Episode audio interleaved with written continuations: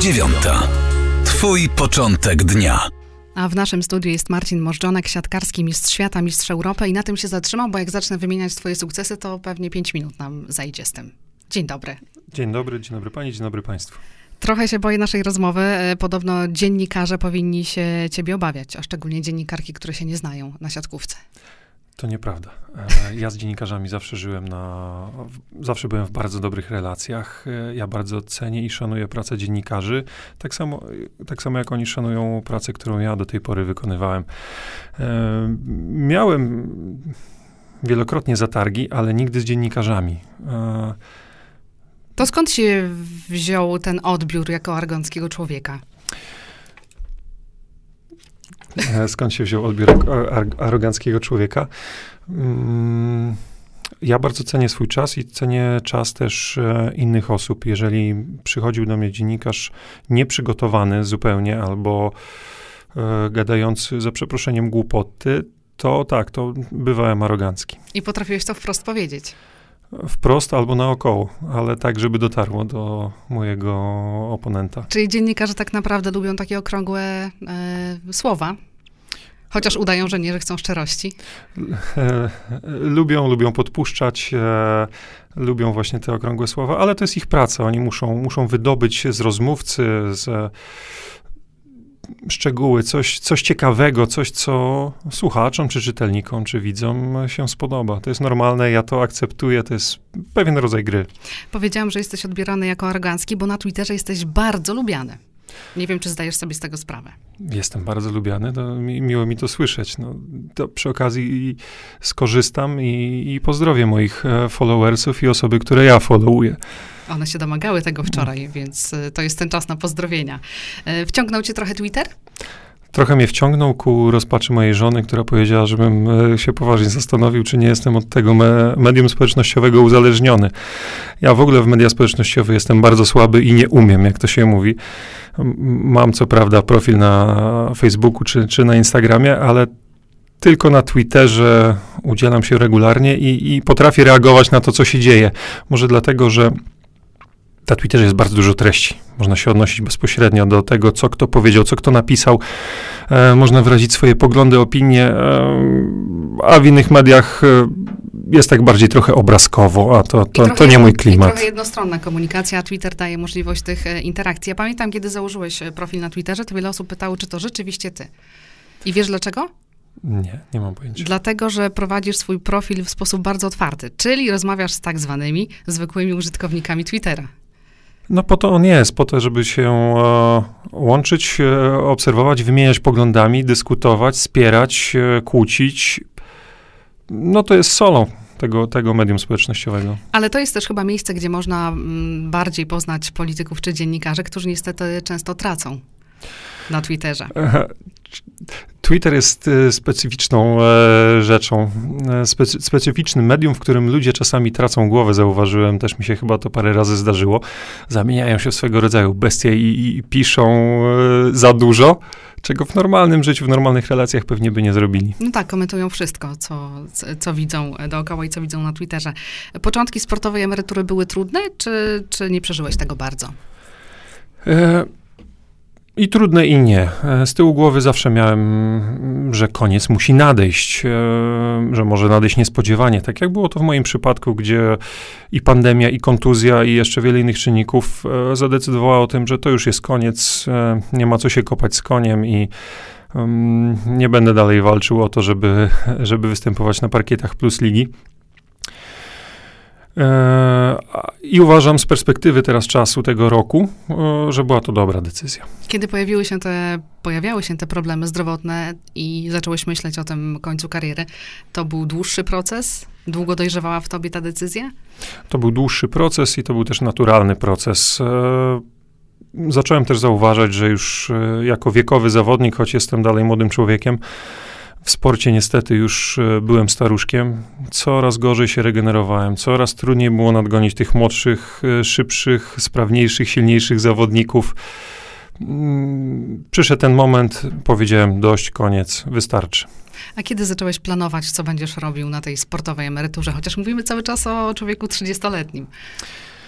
E, praktycznie od początku, kiedy zacząłem karierę, zaczyna, myślałem o tym, co będzie dalej, bo domyślałem się, że bardzo szybko zleci czas e, mojego zawodowego grania. Zleciał szybciej niż mi się wydawało. E, sportowiec w dzisiejszym świecie musi myśleć już, e, zanim rozpocznie karierę, co będzie robił po jej zakończeniu. I myślałeś już, już, już I myślałem, bo... myślałem, popełniałem mm, też błędy w tych wnioskach, myśleniach, jakieś nietrafione inwestycje. Niestety nie mamy, nie, nie miałem nikogo, kto by mnie poprowadził, poprowadził za rękę, ale na szczęście kilka rzeczy mi się udało, zdobyć wykształcenie, skończyłem Politechnikę Rzeszowską. I co robisz teraz? I teraz zajmuję się różnymi rzeczami. Mam firmę, e, która jest wyłącznym dystrybutorem włoskich produktów firmy Atria. E, farby, żywice, żywice dekoracyjne, przemysłowe. Trochę w świat budowlanki wszedłem, który jest bardzo ciekawym światem. A druga rzecz, którą, którą robię, w, w grudniu ubiegłego roku założyłem fundację. Fundację Marcina Możdżonka która będzie się zajmowała różnymi ciekawymi rzeczami. Jakimi? Stricte siatkarskimi, ale i nie tylko, i też takimi związanymi z ekologią. Mam nadzieję, że wiele przedsięwzięć, które podejmę, będzie ciekawych i interesujących. Wiele osób mi mówiło, wielu moich, wiele moich przyjaciół mm, i ludzi mi życzliwych, masz bardzo duże doświadczenie. To fakt, powiem nieskromnie, 20 lat grania zawodowego grania w siatkówkę, gdzie przeszedłem wszystkie szczeble od, od juniora po, na, na sam szczyt mm, sportowego splendoru pozostawia w człowieku dużą wiedzę, duże doświadczenie, którym bym się chciał podzielić i z młodszymi, jak i ze starszymi. Bo w przypadku sportowców to jest tak, masz 35 lat, nagle kończysz karierę, robiłeś coś e, od dzieciaka i bez planu co dalej, to chyba jest bardzo przytłaczające. To jest bardzo, przy, to, to, to byłoby bardzo przytłaczające, a nawet z planem i tak jest przytłaczające, bo zawodowi sportowcy mają to do siebie, że mają wszystko zorganizowane. O tej porze śniadanie, trening, obiad, drzemka, drugi trening, o tej wyjeżdżamy na mecz, o tej na zgrupowanie, tu będziemy, tam będziemy. Na rok do przodu wszystko mamy zaplanowane, a tu się nagle okazało, że ojej, Trzeba wziąć kalendarz do ręki i samemu sobie wszystko zaplanować, porozpisywać. E, to był największy szok, to był największe... Praca, Twitter i żona, która mówisz za dużo na tym Twitterze. Tak, e, więc to wszystko poukładać nie jest takie proste. Dlaczego nie chcesz być trenerem? Dla, czy coś się może już zmieniło w tym temacie? Nie, nie zmieniło się w tym temacie za wiele. Mm, sport zawodowy pochłania bardzo dużo czasu, bardzo dużo czasu, które można byłoby spędzić z rodziną i który został utracony bezpowrotnie. No ale to jest coś za coś, jak w życiu, nigdy nic e, nie mamy za darmo. A będąc trenerem, tego czasu poświęca się jeszcze więcej. Ja jako zawodnik szedłem na trening, zrobiłem swoje, wracałem do domu, do rodziny w czasie meczu wyładowałem swoją całą frustrację, agresję, co tam jeszcze nie było. Wracałem do domu, e, chłodna głowa. A trenerzy? To jest dla nich dopiero początek pracy. A myślisz, że to się jeszcze może zmienić z czasem? Mm, nie wykluczam, nigdy nie, nigdy nie mów nigdy, ale nie skłaniałbym się ku opcji, żeby zostać, żeby zostać trenerem. A może komentatorem? Komentatorem to może prędzej. E, nie polityki, o której zaraz porozmawiamy. Nie też. polityki, e, żeby parę swoich wywodów e, może komuś przekazać na temat sportu. A właśnie, kuszą cię politycy, bo masz znane nazwisko, popularność, ludzie cię lubią, do tego interesujesz się rzeczywistością polityczną. No łakomy kąsek dla polityków. Rzeczywistością polityczną interesowałem się praktycznie od zawsze, choć uważałem, że nie zawsze wypadało się wypowiadać i powstrzymywałem się od jakichkolwiek komentarzy. Jak zakończyłem karierę, to pomyślałem, że mogę sobie pozwolić na e, jeden czy drugi komentarz, jedną czy drugą uszczypliwość. Trzecią, czwartą też. Trzecią, czwartą to też. To kuszą cię czy nie, ci politycy? E, mam bardzo dużo znajomych wśród polityków, e, bardzo wielu polityków różnych opcji. Mm, z lewa, z prawa, ze środka obserwuję mój profil. Eee, I często wchodzimy w bardzo ciekawe interakcje i komentarze. A nie, nie zapraszają na jakieś wydarzenia partyjne? Teraz może mniej trochę, bo pandemia, żebyś się pojawił gdzieś? Nie, no za, do zaproszenia, na, na jakieś wydarzenia partyjne nie, nie, nie, nie jestem zapraszany. I tak jak mówisz, nie masz problemu z tym, żeby politykę komentować, a nie spotkałeś się jeszcze ze stwierdzeniem, że sportowiec to tylko o sporcie powinien się wypowiadać, a nie o polityce. Oj, oczywiście, że spotkałem się z takim stwierdzeniem, ale 20 lat zawodowego grania sportu, przez 20 lat e, zawodowego, zawodowstwa w sporcie usłyszałem na swój temat już wszystko i usłyszałem też, co powinienem, czego nie powinienem. Do tej pory są różne komentarze, czy nawet prywatne wiadomości, jakie dostaję. Jakieś hejterskie? Poprzez, poprzez Twitter hejterskie, tak, ale no, jestem już tak uodporniony, że mało kto mało co jest w stanie mnie ruszyć czy obrazić. A nie obawiasz się, że możesz e, stracić sympatię e, ludzi poprzez komentarze polityczne? Czyjąś, szczęście oczywiście. Czyjąś stracę na pewno, czyjąś zyskam z pewnością. E, nie chciałbym też w wielu sprawach stać w rozkroku i czasami trzeba się opowiedzieć za czymś czy za kimś. Czyli symetryzm cię nie interesuje? Nie, nie interesuje mnie to. Każdy ma z nas ma jakieś poglądy. Trochę się Sporo osób próbuje to ukryć opłaty reprograficznej. No, I chciałbyś opłaty dla sportowców? Śmiałem się, Żebyśmy nabi- nabijałem się, tak. E, proszę płacić, bo mnie się należy. E, to jest, to jest bardzo poważny problem, tak naprawdę mój wpis na Twitterze był gorzką ironią na temat e, życia tak naprawdę sportowców i tego, co dzieje się w związku z tą teraz e, nie, niesławną opłatą reprograficzną. Mm, artyści i sportowcy to bardzo podobne zawody, ale z jedną zasadniczą różnicą – My do tego 35, 6, 8 roku życia możemy trenować, możemy grać, możemy startować, a potem już jest koniec, nie ma takiej możliwości. Artysta, jeżeli jest dobry, to może grać do Końca. grać, pisać, e, śpiewać, tańczyć do końca życia, do końca swoich możliwości, więc e, mm, taka opłata dla mnie jest e, w moim mniemaniu, w moim odczuciu jest bardzo nie, niesprawiedliwa dla, dla artystów, bo my po zakończeniu kariery musimy zmienić pracę, musimy zmienić zawód, musimy zacząć żyć. Zmień e, pracę, zacząć, weź kredyt. Zmień pracę, weź kredyt. Tak, tak, tak często robimy. Zaczynamy życie po życiu. E, dlaczego tego artyści nie mogą zrobić? Gdyby Marcin żył w antycznej Grecji, Sokrates był, miałby problemy, żeby stać się największym myślicielem tamtych czasów. To o tobie. E, to o mnie, to pan, pan Trochę tak? Pamiętam, pamiętam. Trochę to, pod pamiętam. prąd stereotypu sportowca, dlatego e, przytoczyłam te słowa. E, trochę pod prąd. E, ale wśród siatkarzy jest wielu e, myślicieli, tak to e, frywolnie tutaj nazwiemy. Siatkarze generalnie są dość inteligentni, dużo kończy szkoły, dużo kończy e, różnego rodzaju kursy, są oczytani, znają języki. Więc wśród nas jest wiele, wiele, wiele osób, które po prostu interesuje się życiem i chce i wie, że po zakończeniu kariery trzeba coś robić. A co sądzisz o takiej sytuacji, kiedy Robert Lewandowski odbiera odznaczenie od prezydenta Andrzeja Dudy i natychmiast rzucają się na niego ludzie, którzy mieszają w tą politykę? Już odrzucam tych, którzy twierdzą, że to prezydent Andrzej Duda dał zegarek o wartości mieszkania Robertowi Lewandowskiemu. No tak, no to faktycznie warto spuścić zasłonę milczenia. Y, co ja o tym sądzę? E, bardzo się cieszę, jestem dumny i gratuluję Robertowi, też chociażby poprzez wpis na Twitterze, e, odznaczenia, bo to należy zrobić. E, sport z polityką zawsze się mieszał. Ilekroć ja zdobywałem jakieś medale, ilekroć ja byłem odznaczany odznaczeniami państwowymi, zawsze politycy będą się, grzali się przy naszym blasku i zawsze będą to robić, będą, będą próbowali. To jest, to jest wdzięczny temat dla nich, więc e, nie ma tutaj w mojej opinii żadnego zdziwienia. E, ale mieszanie z kolei sportowców zawodowych, czynnych e, do polityki jest nie na miejscu, bo sportowców w, w mniejszości, a prawie żadnego, nie interesuje to, co się dzieje. Nie, nie interesuje to, co się dzieje w polityce. Oni są skupieni na treningu, oni są skupieni na tym, e, na kolejnym zgrupowaniu, na kolejnym meczu. Mm, Bo Prze po, po, karierze sportowej bywa już różnie. Po karierze sportowej bywa już różnie, to prawda. Lubisz Orwella? Lubię Orwella. Dostrzegasz w naszej rzeczywistości elementy świata, które on opisał? Niestety coraz bardziej e, rok 84 Orwella e, zaczynam zauważać w naszej rzeczywistości w 2021 roku. No właśnie, bo mi się wydaje, że my jesteśmy w tej epoce i identyczności, i samotności, ale też tego dwójmyślenia, kiedy ludzie wyznają dwa sprzeczne ze sobą poglądy i uważają, że oba są prawdziwe.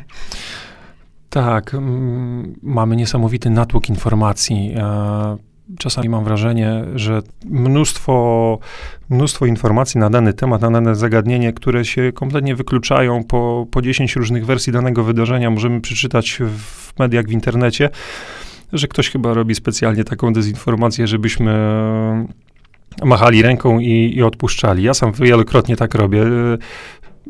Chociażby pod, przy, no dobrze, może nie, nie, będziemy w szczegóły wchodzić, ale są takie tematy, w których e, można przeczytać naprawdę kilka różnych, różnych ich wersji i człowiek nie ma co tym, nie wie, nie wie sam, co ma o tym myśleć, macha ręką, zajmuje się swoimi sprawami codziennymi. A jak podchodzisz do pandemii, do tych obostrzeń? Bo to jest też temat, który bardzo no, wzbudza wiele emocji. Na przykład do tych paszportów covidowych i dostępie, o dostępie do różnych usług w zależności od szczepienia.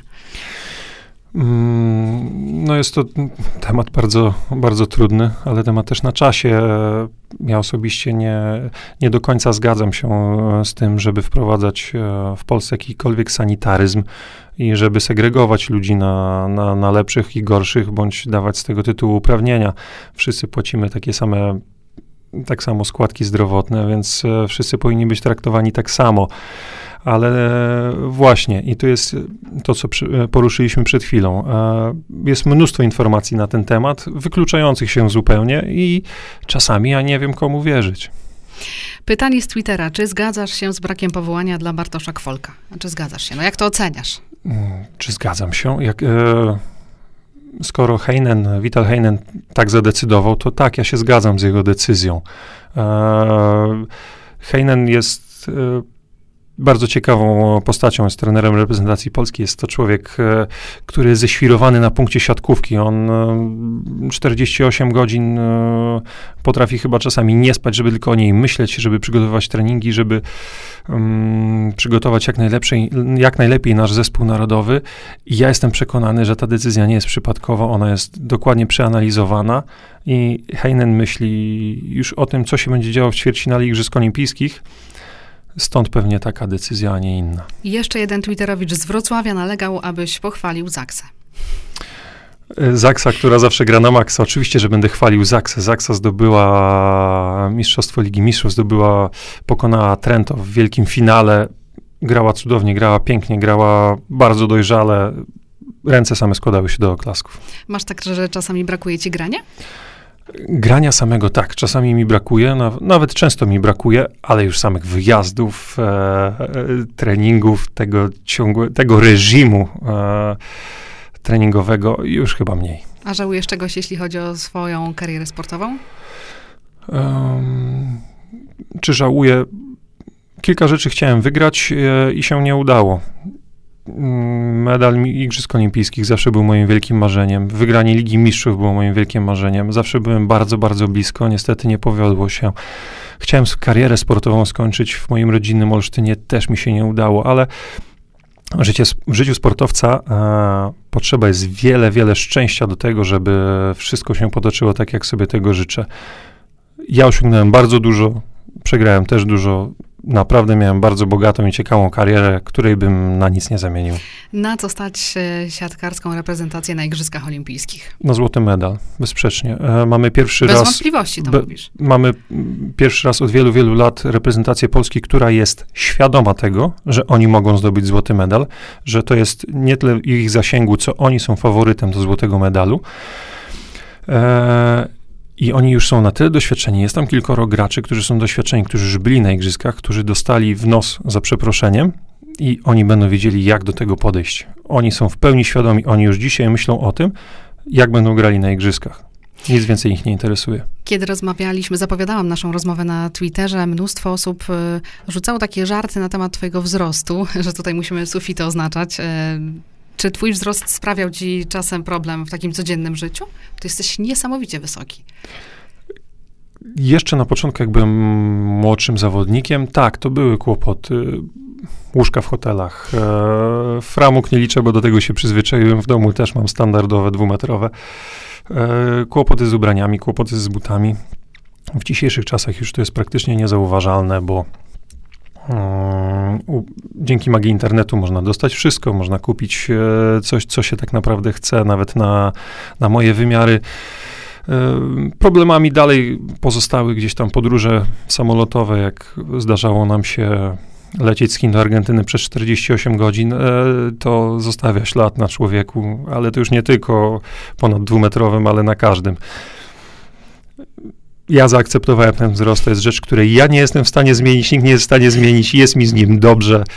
Nie narzekam. Marcin Modżonek, który na szczęście koszykarzem nie został, e, był gościem poranka 7-9. Dziękuję Ci bardzo za rozmowę. Pięknie dziękuję. Państwu życzę dobrego dnia. Anna Czytowska, dziękuję za uwagę. Do usłyszenia. Siódma dziewiąta. To był Twój początek.